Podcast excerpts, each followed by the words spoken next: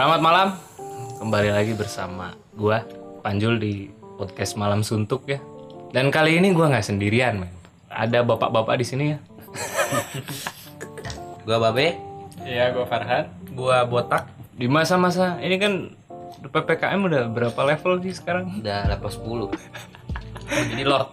Iya, udah kayak bentar lagi raja terakhir lah. Terus nanti ada PPKM Civil War, Endgame gitu. Semua PPKM the series gitu ya. Tapi gini cuy, PPKM tuh ya dampaknya tuh besar banget sih kata kalau kata gua mah. Gua lihat lah ya, ya ketika gua jalan ataupun keluar gitu ya, keluar dari rumah ataupun ya berangkat kerja gitu. Gue lihat kayak pedagang tuh kayak terkena dampak banget sih pedagang. Diskriminasi sih jatuhnya. Gue lihat dagangannya tuh dikit-dikit tau gak sih? Itu kan jatuhnya nanti efek dominonya tuh banyak banget. Domino's Pizza. Wah, kita nggak disponsori. Waduh. Emang Domino Pizza. Masuk. Efek domino tuh kayak gini, kayak warteg kan sepi gitu. Kan nanti dampaknya ke mana? Ke mahasiswa gitu kan. Ke kuli-kuli gitu. Rojali. ke ojek online gitu kan. Nanti masa warteg udah tutup gitu kan bangkrut misalkan. Nanti masa makan harus di Holy Wings gitu Pizza Hut gitu McD gitu. Ya mungkin sekali makan habisnya gaji sebulan gitu kan. Gaji gua nggak seberapa. Nih. jadi kan nanti efeknya lagi banyak gitu kayak ke pasar jadi sepi gitu kan bahan-bahan kan ada yang beli. Karena ya efeknya tuh dampaknya gede banget sih.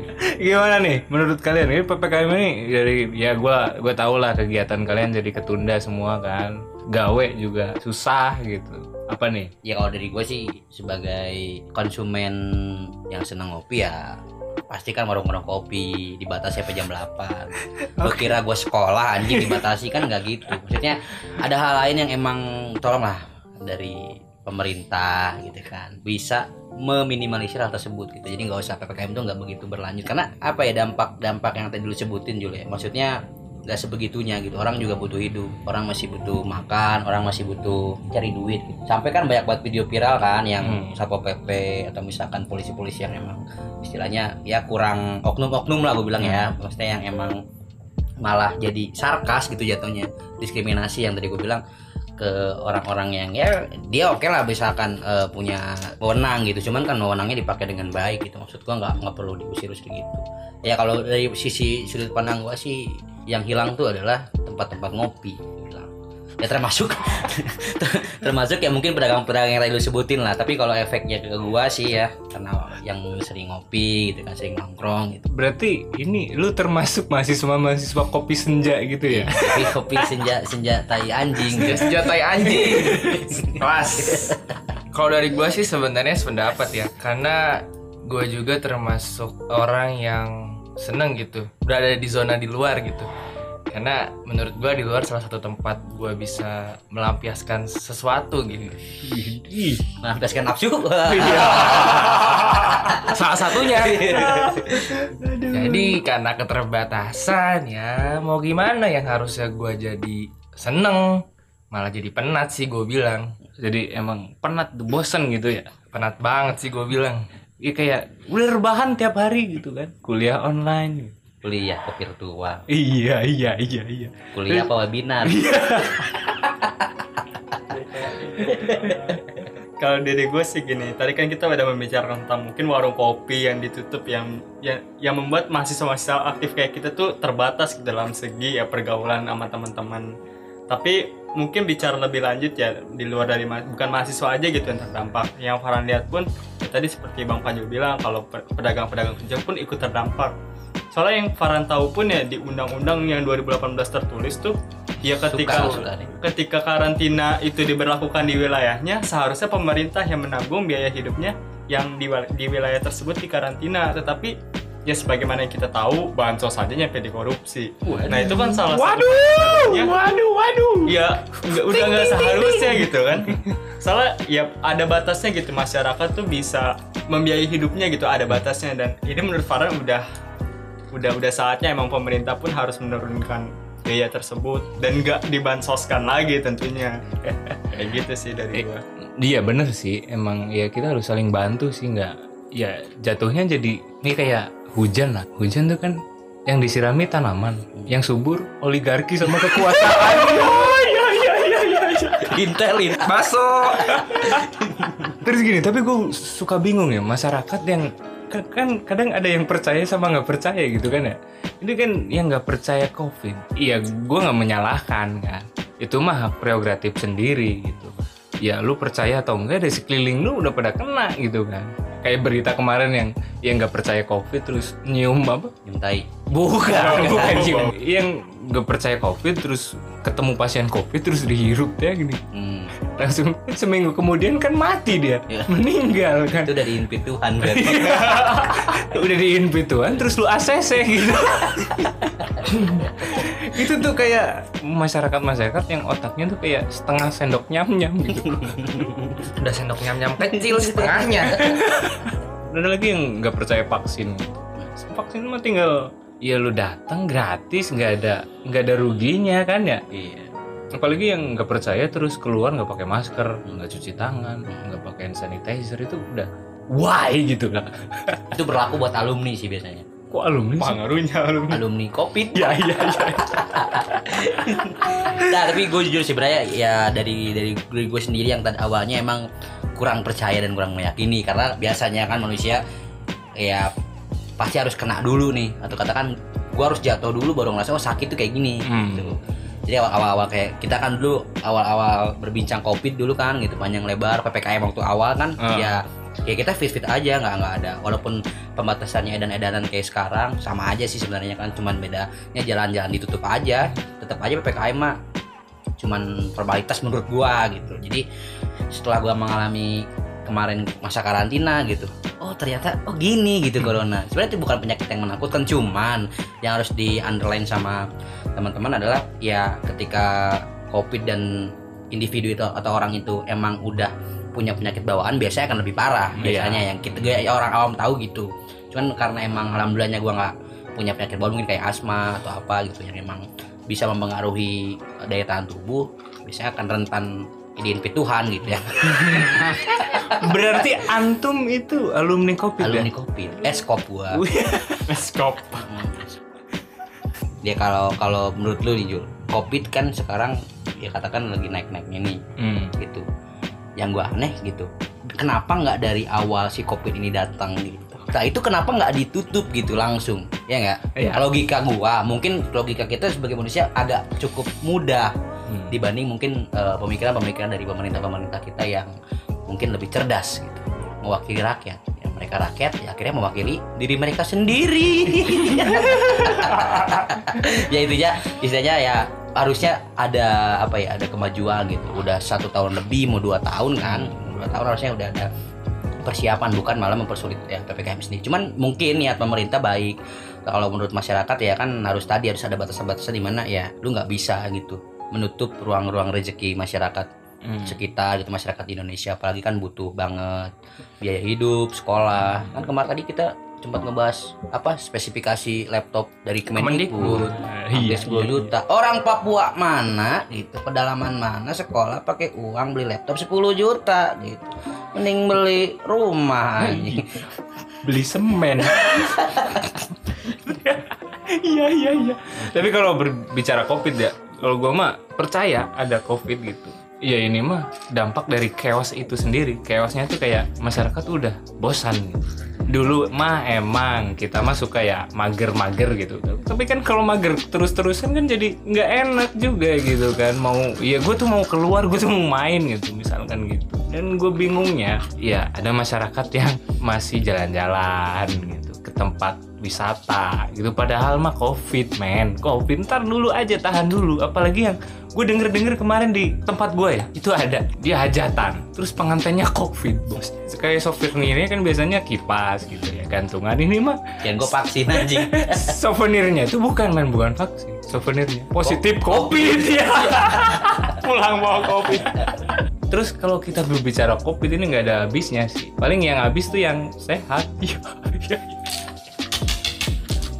iya. Tapi back to topic lah. Tapi gue nggak bahas covid nanti ya bakal panjang banget sih. Gue mau bahas tentang ternyata nasionalisme itu tidak perlu Kenapa tidak perlu? apabila nasionalisme ini hanya sebuah kegiatan ritualistik, Contohnya, upacara bendera. Ada orang-orang yang dengan upacara bendera membangkitkan nasionalisme mereka, ya nggak sih? Tapi nggak semua dan bukan golongan kita gitu kan.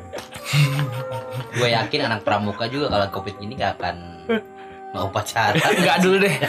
Dia jangankan covid men. Coba hari-hari biasa sebelum-sebelum covid, ya gue pengalaman gue sendiri ya. Buat untuk upacara tuh ya males banget men kayak gue tuh berdoa buat hari Senin tuh buat badai gitu bisa hujan pagi-pagi tuh pernah nggak sih lu Enggak kan nggak pernah. Senin tuh nggak pernah hujan pagi-pagi gitu. Senin tuh kayak ya udah takdirnya harus upacara gitu.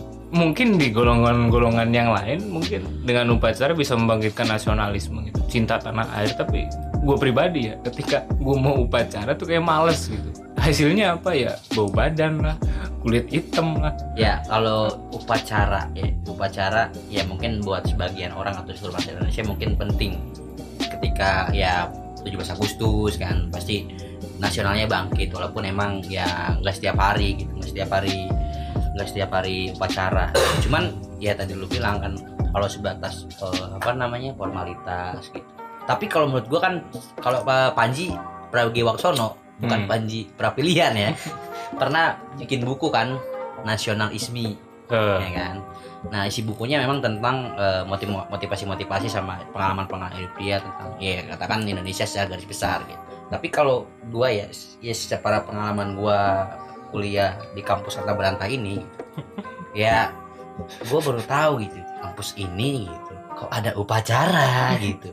Setiap Senin harus pakai ja, apa jamet gitu aku jam jas alma mater oke jasa alma mater berarti Masuk. jamet itu jas alma mater jasa alma mater oke siap bukan jamet yang goyang TikTok bukan berarti selama lu sekolah SD 6 tahun ya SMP 3 tahun, SMA 3 tahun, kuliah 4 tahun. Itu kayak kalau lulus.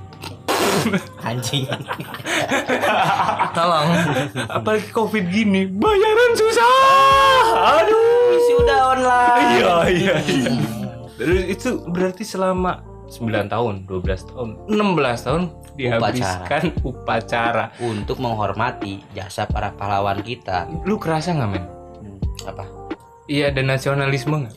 lebih ke pemaksaan sih jatuhnya sebenarnya nasional itu kan ya kayak apa ya mungkin jatuhnya dari alam bawah sadar gitu Hmm. kayak misalkan kita lagi jadi supporter timnas gitu kan Ah. itu menurut gua hal yang kecil yang walaupun tidak formal seperti upacara tapi kebangkit eh, rasa nasional itu lebih lebih lebih kerasa gitu dibanding mungkin upacara yang memang jatuhnya formal lah kan gitu orang-orang kan lebih ke apa namanya ya jatuhnya ya tidak membangkitkan gairah se- seorang individu yang emang lahir di tanah air bumi pertiwi ini. Jadi lebih nasionalisme tuh lebih kebangun kayak timnas gitu ya. Iya, nonton bola, Nonton bola gitu. eh, ya. apa namanya lomba kerupuk, Berarti nggak cuma upacara yang bisa membangkitkan nasionalisme. Iya. Kadang-kadang upacara tuh ya pemaksaannya dulu waktu gue SMA gitu ya. Sampai-sampai lu tahu percaya nggak? SMA gue tuh kayak di sisi jalan gitu ya, samping jalan. Itu sampai pas pengibaran bendera diberhentiin cuy. Orang-orang itu diberhentiin di jalan, suruh mengikuti upacara. Padahal itu kan unsur pemaksaan gitu. Kan padahal kita nggak tahu, mungkin yang diberhentiin itu mau ke sekolah lain gitu. mau ikut upacara gitu. Kalau enggak dia mau ke pasar gitu belanja. Apalagi yang parahnya kalau dia mau nengok yang orang sakit, keluarganya sakit gitu di rumah sakit. Jadi jadi benci gitu. malah jadi berbanding terbalik dengan niat yang memberhentikan itu. kan. Iya. Nah kalau dari teman-teman nih, kalau dari lu semua lah yang di sini, kalau menurut lu bener nggak sih yang tadi dikatakan gitu sebagai orang yang pernah ikut upacara selama eh, masa-masa sekolah lah, karena kan sekarang-karang kan belum ada upacara lagi nih. Gimana? Yuk. Oke, kalau dari gua sih ya, nasionalisme sebenarnya penting gitu. Tapi tadi yang seperti lo katakan beh, kayak gak bisa dipaksakan gitu kalau dari nasionalisme sendiri gitu. Karena menurut gua ketika memang sudah dipaksakan, rasanya nggak enak kalau udah dipaksa-paksa. Jadi ya benar tadi contoh kayak supporter bola itu kan datangnya dari alam ya dari bawah sadar kita lah. Hmm. Kita mendukung dengan sepenuh hati. Itu bisa dikatakan nasionalisme gitu. Beda dengan upacara ketika kita dipaksa. Yang ada ya orang-orang yang gak niat untuk seperti itu jadi merasa terpaksa yang jalanin dengan setengah hati. Iya. Yang ada malah ngancurin. Yang ada bukan nasionalisme menurut gua. Itu sih kalau pandangan dari gua. Tapi pas lu upacara dulu sering ini nggak izin ke UKS? Itu trik sih. Gue cek dikit kadang-kadang. Tergantung pembina gue. Masalahnya Pak, kadang-kadang kita udah ngeliat pembina, ada nih pembina yang benar kita tandain kalau udah ngasih satu amanah tuh udah kayak pidato udah panjang banget. Itu yang bikin kita kita jadi kayak ngerasa, aduh upacara hari ini kayak udah males banget nih. Ngerasa kayak, aduh ini ngucap salam aja bisa berapa menit kayaknya gue rasa-rasa. Makanya kadang-kadang gue kalau udah upacara, ya mohon maaf ini ya, mikir-mikir dulu, ngeliat dulu pembina hari ini siapa. Kalau ada pembinanya yang udah nggak nggak dulu deh. Mending gue gocek dulu dikit UKS dulu. Iya iya iya. Tapi kadang-kadang pembina tuh pembina upacara tuh jadi ajang ini ya, ajang curhat masalah pribadinya gitu. kadang-kadang kan lama gitu ada yang pembina yang lama gitu. Padahal mah ini kaki udah gemeter gitu. apakah patut dipaksa dengan upacara gitu secara kita bukan menyudutkan tentang upacara jelek apa gimana ya Iya. gitu. enggak gitu ini mah cuman pemaksaan unsur pemaksaannya yang kita sayangkan gimana Mungkin gue lebih ke pronya. Sebenarnya diskusi nggak sih kalau cuma kontranya aja. Oke. Iya. Upacara tuh perlu. Kenapa? Pertama, ya tentunya menghormati. Tapi di Indonesia tuh kadang-kadang suka memasukkan hal-hal yang membuat masyarakatnya tuh benci. Salah satu contohnya tadi ketika pidato, misal kepala sekolah A berbicara tentang kehidupannya dia di rumah masalahnya di pagi hari ya kita pun nggak peduli gitu kan. Selalu ya mungkin mereka enak gitu duduk ataupun berdiri gitu ketika berpidato di tempat yang adem. Nah, Iya, iya, masalah iya. tuh ya kita tidak pernah merasakan gitu kan di tempat yang panas lama. Nah hal-hal tersebut. Tuh kenapa? Ya menghormati itu penting gitu kan agar timbulnya jiwa nasionalisme itu. Nah tapi ya dengan catatan ya mungkin eksistensi tersebut perlunya ada esensi di dalamnya kadang-kadang ya pidato-pidato yang tidak memiliki esensi yang menurut Farhan tuh tidak perlu Hmm. nah mungkin dari kebiasaan Indonesia Indonesianya saja gitu ketika mungkin udah kenaikan bendera ya mungkin eh, menyanyikan lagu wajib nah pidato tersebut yang kadang-kadang ya tidak ada esensinya sama sekali Hmm. itu menurut Farhan Untuk curhat-curhat mah nanti aja lah ya. nanti ya. nggak nggak peduli sama urusannya di rumah iya kan. Terus ya gitu kayak tadi yang diberhentiin gitu kan kita nggak tahu orangnya tuh mau ke mana gitu. Mungkin ada urusan yang penting gitu. Ya Ya betul di luar keterpaksaan tersebut sih. Sebenarnya sepakat saya tadi sama kata-kata Babe yang di mana eh, jiwa-jiwa tersebut nggak bisa timbul dari paksaan sih. Bisa seminimal mungkin dari jadi jadi supporter. Kan hal-hal tersebut juga mendukung jiwa nasional nasionalisme tersebut. Dari Farhan sih gitu. kok jadi nasionalisme? Lu sih men. Racun, racun. Racun orang tua emang sulit. sulit, sulit, sulit. Oke, kalau menurut gue sendiri mungkin uh, terkait nasionalisme sendiri ya, uh, menurut gue sendiri sih, sekarang tuh makna nasionalisme itu semakin dipersempit gak sih? Selalu dibawa nama Pancasila, NKRI, harga mati dan lain sebagainya gitu.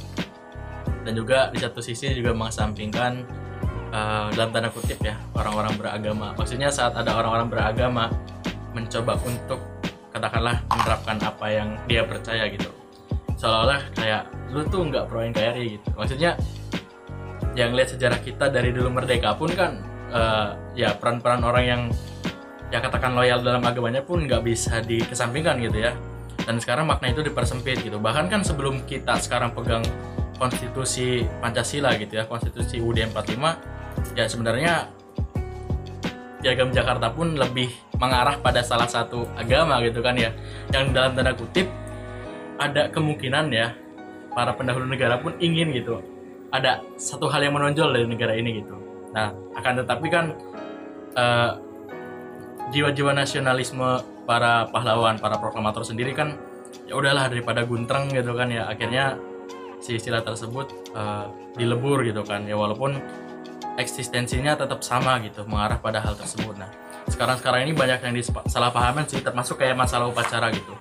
Buat kayak mencintai NKRI itu nggak harus lu ikut upacara gitu terus lu gak ikut upacara lu sama dengan tidak meng, uh, tidak menghargai NKRI tidak peduli dengan bangsa gitu ya menurut gua sih rasa nasionalisme hadir saat lu bangga gitu. Saat lu tahu uh, negara kita tuh udah sejauh mana sih dibandingkan dengan negara lain gitu. Dan saat lu peduli dan lu peka dengan isu-isu yang ada saat lu udah mulai peduli ingin merubah uh, bangsa ini jadi lebih baik di situ menurut gua udah tertanam jiwa nasionalisme yang tinggi gitu ya. Bahkan saat lu udah mikir kayak nih gue diem diem aja gitu. Gue nggak bisa ngelakuin apa apa buat negara. Gue pengen beru- ngerubah nih bikin membawa perubahan yang baik. Itu sebenarnya udah ada gitu jiwa nasionalisme gitu. Cuma banyak orang yang menyepelekan gitu kayak ah lu mah terlalu apa ya terlalu kayak misalkan gitu ya nggak mau hormat bendera disangka nggak nasionalisme gitu ya.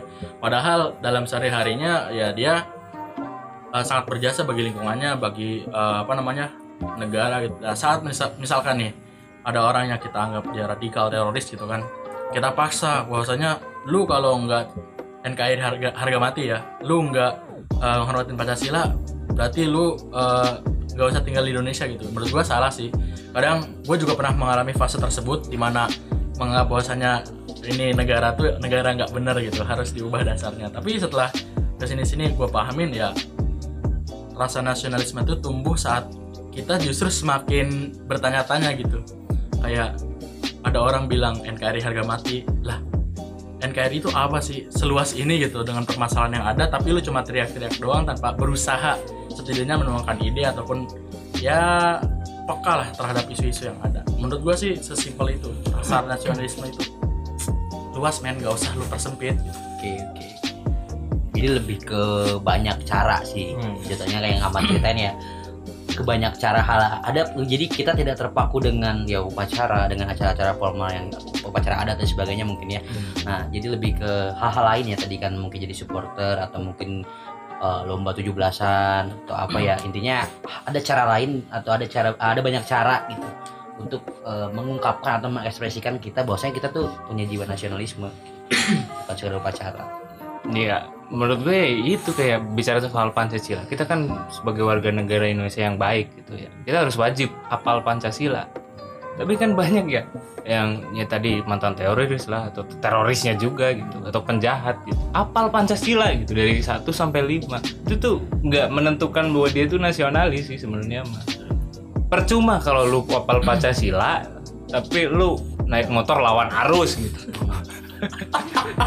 Kalau enggak sen kiri belok ke kanan itu gitu. itu jatuhnya bukan lawan arus sih. Lawan takdir. Terus terus ada lagi lu lu apa Pancasila tapi nggak bayar pajak gitu. Bisa-bisa lu digablok sama Bu Sri Mulyani kan gitu. Utang negara tinggi nih bos.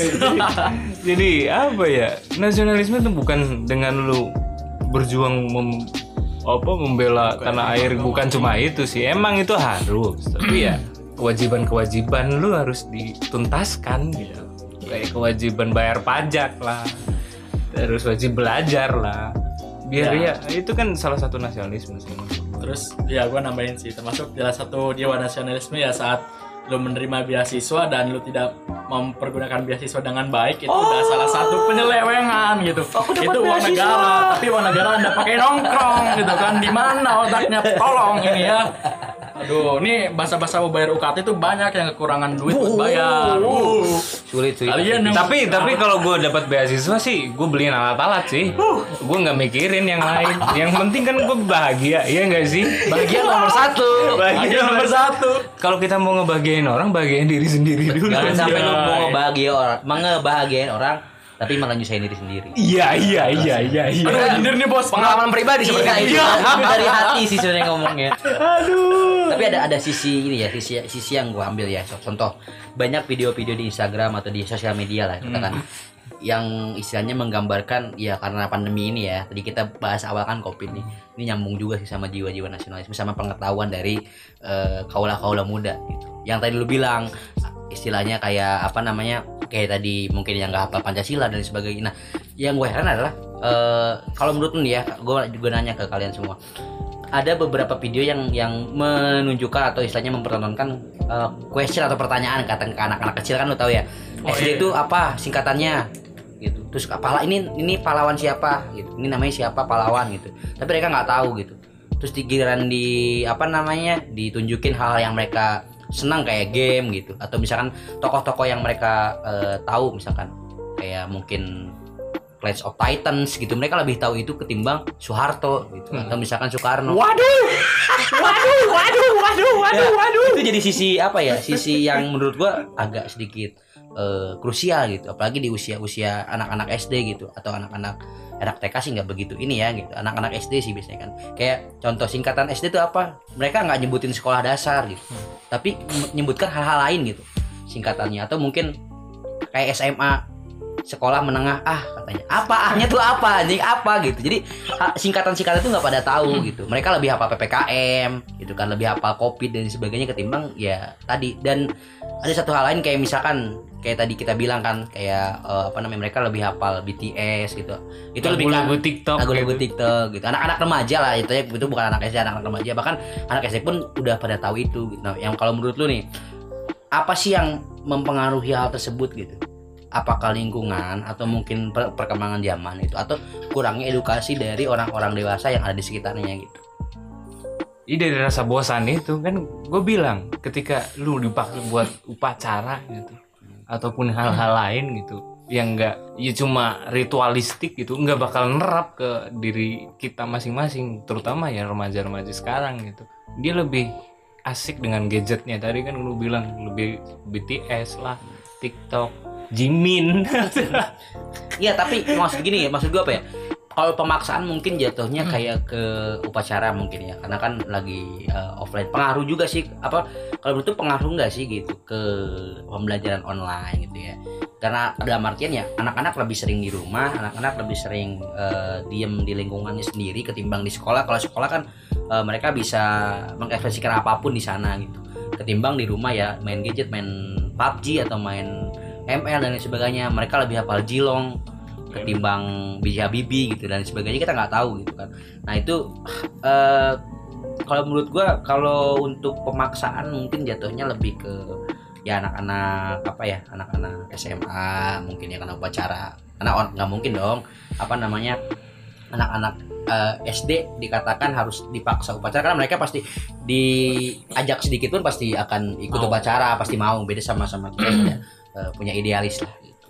Nah itu kalau menurut Kip, tadi gimana gambaran dari pengaruh tadi gitu kenapa lebih hafal hal-hal tersebut gitu. Oke, in my opinion ya, ah, menurut gua sendiri, kenapa lebih apa sih hal-hal yang modern modernistik lah dibilang Iya. itu lebih dikenali karena mereka yang bersentuhan langsung bang. Hmm. Beda zaman kita mungkin saat dulu kalau kita mau dapat informasi ya katakanlah sekedar cuma main Facebook harus ke warnet kan. Sekarang Facebook buka HP dikit ada gitu. Hiburan gitu, hiburan dulu terbatas cuma di TV. Sekarang buka HP hiburan udah banyak-banyak, udah Oke. macem-macem lah itu. Hiburan semua lah ya. Ya hiburan semua lah.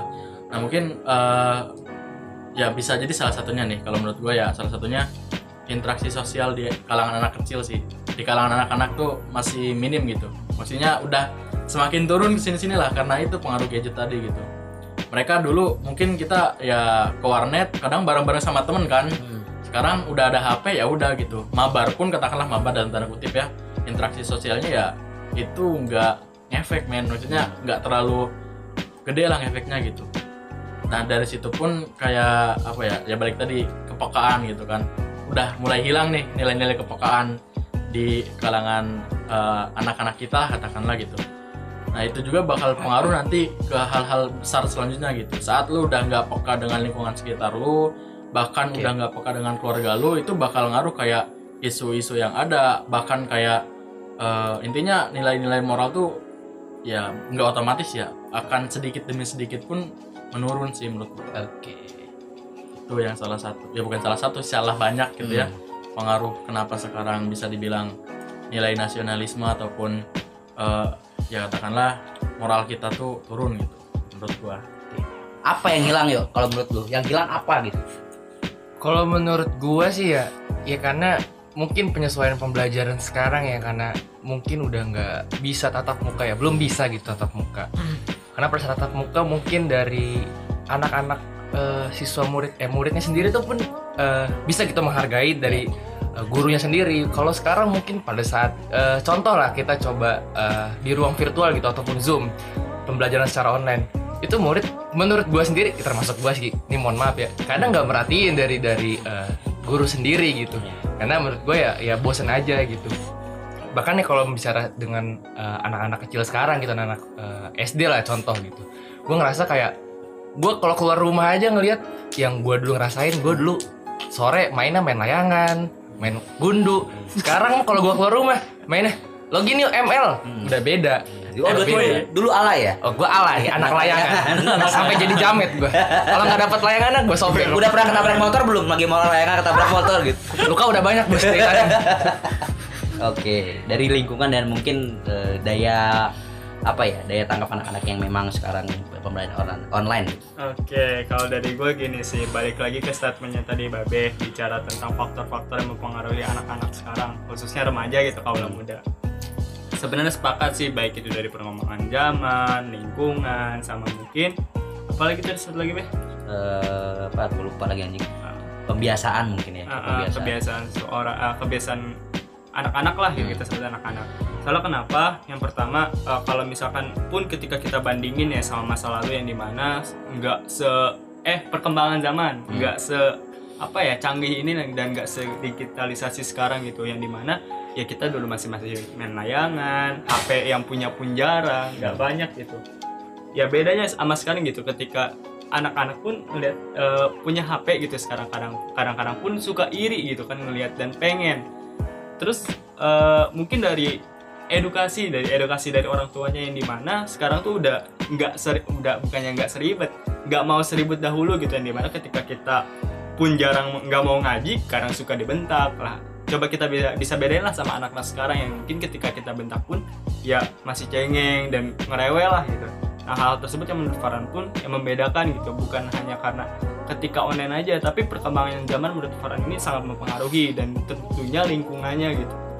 Nah ya oke lah kita mungkin nggak bisa eh, eh, apa ya jauhkan dulu covid jauhkan dulu hal-hal lain yang mungkin berhubungan dengan daring gitu. Oke. kenapa karena tanpa ada daring pun menurut Farhan sendiri kalau emang dari edukasinya pun kurang ya otomatis pun outputnya akan berkurang juga sebagaimana kita mau coba mengedukasi secara nanggung hasilnya pun akan nanggung itu menurut Farhan oke Gue mah asik-asik aja sih. si anjing asik terus Iya, yang penting dia punya ada rasa nasionalisme. oke Kayak topik pembahasan kita kali ini. iya iya iya. Walaupun ya boleh lah lu menjamet gitu. Boleh lah lu apal lagu-lagu TikTok ataupun lu suka BTS gitu. Yang terpenting tuh Salah sebut BTS, BTS yang Eh, benar. oh iya. Nanti Anda diserang, Pak. Bahaya. BTS lu boleh silahkan saja gitu tapi ya yang minimal lah lu bayar pajak gitu ataupun ya lu ngajarin anak lu yang bener gitu nilai-nilai sosial nilai-nilai yang ada di Pancasila nilai-nilai agama gitu asusila gitu jangan sampai ketika anak lu ribut gitu ataupun nangis mulu lu pegangin HP eh Hmm. biar anteng gitu. Padahal kan ki- kita nggak tahu dia nonton apa aja. Mungkin ada video-video yang yang bikin nggak cocok Eh, yang nggak cocok gitu. iya bukan video lah iklan aja di YouTube tahu nggak? Kayak gitu kan? Gimana kan? Iya iya nggak sih? Ah, iklan-iklan di YouTube kan suka gitu kan? Iya, ada yang menonjol tapi bukan bakat jadi ya minimal lu bisa bertanggung jawab dengan keluarga lu. Dengan diri lu sendiri. Keluarga lu tuh ya termasuk anak-anak lu. Saudara-saudara lu adik-adik lu kakak-kakak lu gitu misalkan. Sama yang lingkungan sekitar lu minimal gitu. Paling minimal mungkin mas. Jangan sampai lu biarin aja gitu. Ya kayak Babe bilang tadi lebih tahu BTS lagu-lagu BTS gitu lagu-lagu apalagi pal-palepal gitu. Ale, ale. itu daripada daripada lagu-lagu kebangsaan misalkan kayak Indonesia Raya gitu. Kayak genjer-genjer. Yo yo Cublak, cublak, suwong. Jangan genjer-genjer, Pak. Takut saya, Pak. Karena dulu mungkin dikenalkan ya, kayak ampar-ampar pisang, mangga lepok, mangga lepok, Hmm, panjul iya. digelepok. iya iya iya Tapi emang kayaknya kalau menurut gue sendiri sekarang tuh eh, entah kenapa ya. Dulu kita tuh kayak eh, dari kecil tuh lagu-lagu anak tuh dikenalin gitu bang. Sementara sekarang, iya dulu kan lagu diperoleh dari CD dan kayak orang tua kita sendiri tahu porsinya gitu saat kita dibawa ke tempat buat beli kaset ya kasetnya kaset anak gitu kan kita kenal lagu MP3 eh, terus ada yang video klipnya pun saat usia SMP SMA jadi kayak dari kecil tuh bener-bener lu lagi lagu yang kita dengerin tuh lagu itu gitu kan Iya, soalnya susah juga sih. Soalnya kan sekarang CD pun apa maksudnya kaset CD gitu ya susah nemuinnya ya. Iya. Paling gampang ya YouTube, nah itu Spotify gitu. Apalagi snack video. Snack video digitalisasi jatuhnya kan Jadi ya juga- itu emang wajar sih emang perkembangan zaman kayak gitu. Asalkan kita bisa mengawasi lah mawas diri lah mawas diri kita masing-masing. Mungkin kita yang udah punya idealisme diri ya kita bisa memilah dan memilih. Tapi kan ada yang di sisi lain orang-orang yang nggak bisa memilah dan memilih ya minimal lu install install kayak YouTube Kids gitu yang isti- isinya cuma kokomelon gitu Nusarara gitu kan lebih lebih ada edukasinya walaupun ya ya gue juga kalau bisa mah kayak animasi-animasi kayak gitu lebih membangkitkan rasa nasionalisme. Nah, yang jadi apa ya yang jadi underline tadi ya dari percakapan kita yang panjang ini gitu. Tadi itu gua ngelihatnya apa ya? Mungkin ya yang gua tangkap adalah kita membandingkan zaman kita kecil ya Iya. secara tingkat nasionalismenya dengan zaman sekarang anak-anak ya. Kita juga nggak tahu nanti ke depannya mungkin anak-anak sekarang akan membandingkan masa kecil dia Iya. dengan kemajuan zaman berikutnya Hmm. ya kan mungkin dulu eh, anak SD udah bawa mobil mungkin ya kita nggak tahu gitu ke depannya atau anak SD udah eh, seperti apa kita juga nggak tahu ke depannya makanya mungkin ya wajar-wajar saja Hmm. cuman butuh yang namanya pengawasan dari orang tua pengawasan dari yang lebih tua gitu guru dan sebagainya itu yang jadi apa ya pondasi dan hal-hal fundamental untuk eh, istilahnya kemajuan bangsa. Karena suatu negara itu dikatakan maju ya dilihat dari pendidikannya gitu dilihat dari edukasinya gitu. Jadi ya menurut gue juga kalau bicara upacara gitu, minimal upacara tuh sebulan atau dua bulan dua kali atau sekali gitu ya. Sisanya tuh hari tiap hari Senin misalkan gitu ataupun hari-hari apa gitu dia diceritakan kisah-kisah pahlawan kayak nah isi-isi butir Pancasila kayak dengan kemasan yang menarik. Sekarang mah anak-anak ya termasuk gua juga sih ketika penjelasannya monoton gitu. Bosen nggak sih? yo, Iya kan bosen kan. pasti Tapi ketika dikemas dengan yang asik, enjoy gitu. Pakai komedi lah ataupun pakai video segala macam bisa. Jadi lebih menarik aja biar nanti menarik minat yang dikasih materinya jadi lebih nerap gitu. Masuk lebih masuk gitu. Lebih ke praktek sih kayak. Waduh. Nonton Habis video, nonton. bosen praktek. Iya, iya. Iya prakteknya gini kayak misalkan ya cara bayar pajak gitu di SMA gitu. Saya bayar pajak lah, cara bikin SIM lah, dijelasin. Kadang-kadang kita lulus SMA bahkan kuliah pun kita kuliah ya, kita nggak tahu apa-apa men. Iya benar-benar sih benar. Iya kan? Iya iya. Kayak bayar pajak tuh kayak gimana sih? Terus ngurus-ngurus surat ini kayak gimana sih gitu. Jadi kita di dari awal tuh di, dikasih ilmu-ilmu soft skill yang emang berguna buat kita ke depannya gitu. Kayak mengatur uang. Iya. Iya kan? Di SMA kalian diajarin nggak ngatur uang buat pribadi lah. Pembagi-bagi apa pembagi-bagian konsumsi diri gitu kayak sa- sebulan tuh jatah segini. Kita harus ngaturnya kayak gimana? Kita enggak gitu. Iya iya. Jadi akhirnya kan budaya konsumerisme tuh meningkat gitu. Kita lebih banyak untuk mengkonsumsi daripada mem- menghasilkan gitu atau memproduksi gitu kan lebih lebih make sense kayak gitu sih menurut gua mah. Soft skill soft skill yang nggak diajarin di sekolah itu diterapin gitu. Minimal ya jadi hidden kurikulum kurikulum tersembunyi di luar dari kurikulum nasional. Tapi benar benar benar benar juga sih gue jadi kepikiran gitu. Iya Jadi, kan? jadi kebuka katakan ya hal yang kayak kita pembiasaan tuh pasti dari kecil tuh nabung nabung nabung. Tapi Hmm. Ada iya dari SD sampai SMA tuh nggak ada step by stepnya. Jadi Nah, itu Iya nabung nabung ya terus maksudnya ya bener kan nabung ya kan kita juga harus cara mengatur uang dan sebagainya. Tapi bener ya kayak sim. Kita tahu sim pasti dari orang tua kan ya. Pasti Hmm. dari orang tua dan tanpa apa ya di sekolah tuh nggak ada edukasi khusus gitu. Iya. nggak nggak ada edukasi khusus gitu ya tentang hal-hal yang emang lu akan akan menghi- apa akan menghadapi gitu kehidupan ya nyata gitu. Selalu SMA entah lu kerja entah lu kuliah gitu karena edukasi itu yang ya emang bener juga sih ini nggak nggak Ya, maksudnya edukasi tuh yang bener proses-prosesnya. Jangan sampai kita tahu dari orang lain tapi orang lain tuh ngasih taunya ya udah deh nyogok aja gitu kan. Itu jadi Iya. jadi timbul benih-benih korupsi gitu kan.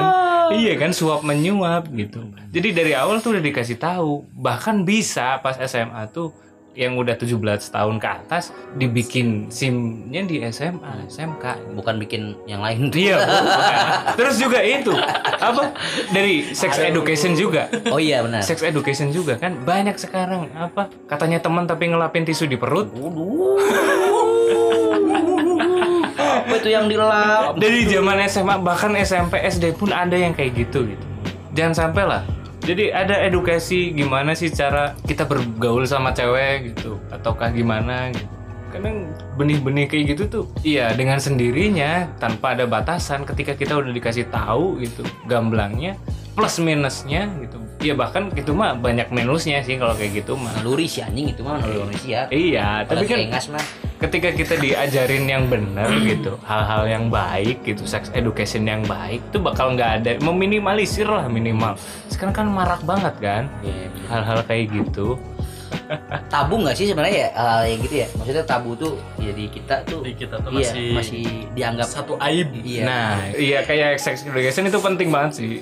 Tapi bener nggak apa apa ya maksudnya di di di ya tadi ya kita balik lagi ke nasionalisme gitu ya ya hal-hal yang kayak gitu juga penting kan tadi Hmm. kita ya sebagai pondasi-pondasi kita gitu menjaga bukan hanya menjaga harkat dan martabat bangsa gitu minimal dengan cara menghargai diri sendiri gitu Hmm. menjaga harga diri sendiri tapi anehnya gitu banyak kan di kota-kota besar lah contohnya Iya. mungkin kalau seka- zaman sekarang ya menurut gua ya dari dulu mungkin eh, banyak lah kejadian-kejadian eh, apa namanya telat-telat nyambut dikit mah ya ada ya gitu telat-telat nyambut tahu-tahu. Ya karena keenakan dan sebagainya kan gitu ya. Dengan ketambah apa ya di 2010 lah dari, dari- dari 2004 sampai 2010-an lah kalau menurut gua batasnya tuh. Jadi dari 2010 ke sana kalau nggak salah kan ada udah ada Facebook kan 2010 2010 tuh ya. Hmm. panjang ke sana tuh ya istilahnya eh, hiburan banyak gitu. Di kota-kota besar tuh kayak, kayak udah nggak hal tabu nggak sih? Maksudnya kayak eh, cewek sama cowok bareng ngekos iya gua iya. gua gua ngerasain sih ketika ya lu bilang dari 2004 2010 kayak hal kayak gitu tuh kayak aib iya iya. aib untuk diri sendiri keluarga bahkan sekolah pun ya Iya. itu sebagai aib sih tapi sekarang mah kayak ya udahlah diumbar gitu di medsos gitu. Gue udah pernah kayak gini kayak gini kayak gini. Itu kan kayak lu mengumbar aib diri sendiri. Tapi di kota sih itu kalau menurutku lebih ke Iya. kota. Oh di kampung mungkin lebih ke ini masih aib sih. Masih aib. Hmm. cuman kenapa gitu? Di luar Indonesia ya khususnya.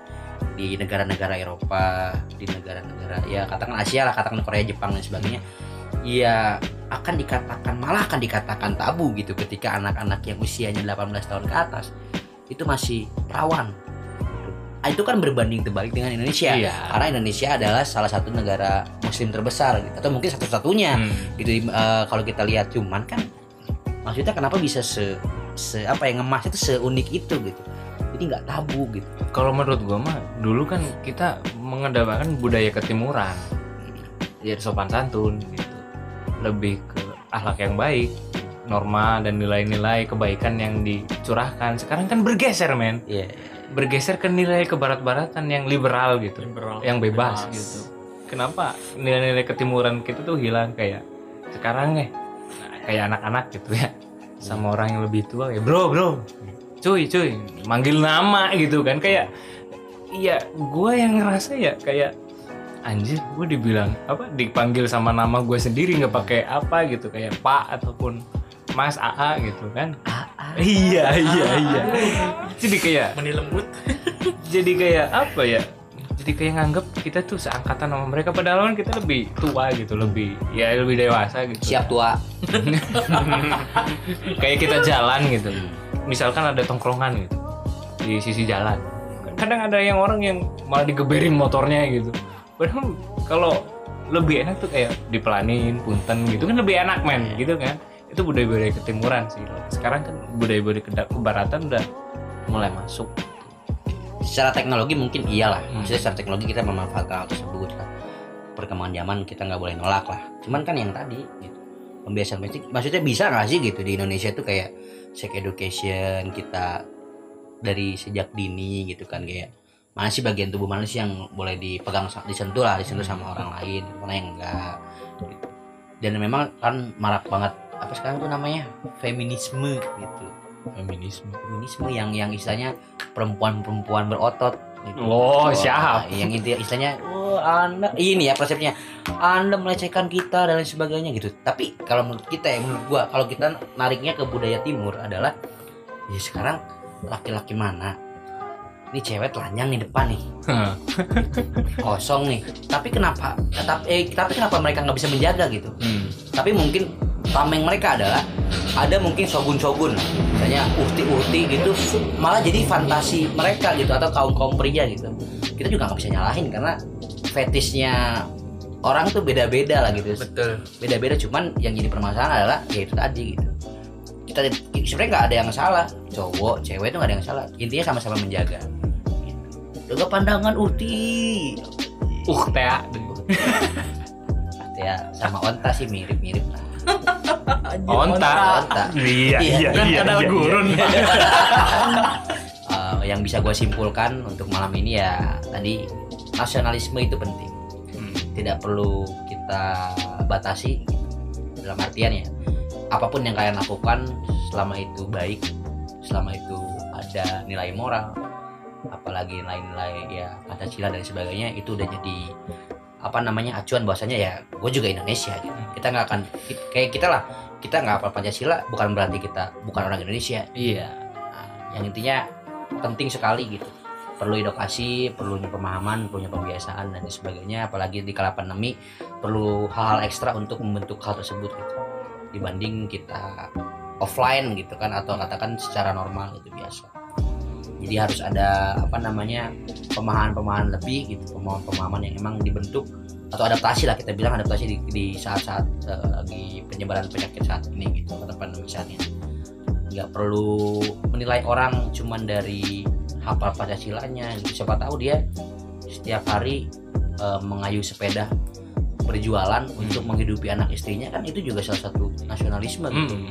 karena menghidupi warga negara gitu. sama-sama meng, em, istilahnya menghargai negara dengan cara ya tersebut banyak hal lah gitu banyak jalan menuju Roma intinya gitu banyak cara untuk eh, meningkatkan atau menunjukkan bahwasanya kita juga punya apa namanya sikap nasionalisme itu sendiri itu mungkin kalau dari gua Ya bener sih kalau kayak gitu mah. Ya cukup jadi baik aja lah. Iya. Taat gitu. Taat melaksanakan kewajiban lu sebagai warga negara Indonesia yang baik. Jangan mindset-mindset terserah lu mau jadi jamet kayak lu mau suka BTS kayak lu mau suka TikTok segala macam. Yang penting ya jadi baik lah. Oke, kalau dari gue sih ya eh, yang penting itu gue sih lebih ke arah mungkin eh, anak-anak yang di usia emas gitu ya. Pembentukan karakternya sih yang penting menurut gue. Karena ya balik lagi gitu. eh, demi mempersiapkan kita gitu untuk ke depannya seperti apa gitu. Ya menurut gue sih ya ya mungkin kalau memang kita di zaman sekarang mungkin banyak melihat hal-hal yang kurang eh, esensinya kurang baik lah gitu menurut gue gitu. Ya itu bisa dijadikan pel- pelajaran gitu. Jadi menurut gua ya pembentukan karakternya sih yang harus bener-bener kita perhatikan gitu. Demi ya menciptakan rasa nasion- nasionalisme itu sendiri gitu menurut gua. Dari gua terakhir pen- eh, pentingnya jiwa nasionalisme ketika itu mementingkan eksistensi no sih. Iya. harus ada esensi di dalamnya. Paling itu aja terkait uh, nilai-nilai nas- nasionalisme ya.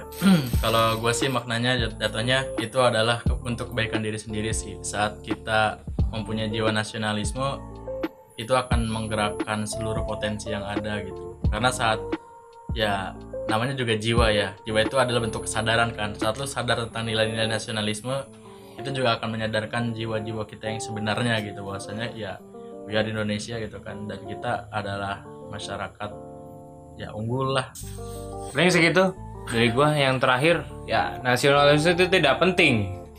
Apabila apabila hanya jadi kegiatan ritualistik, Ritualistik. belaka.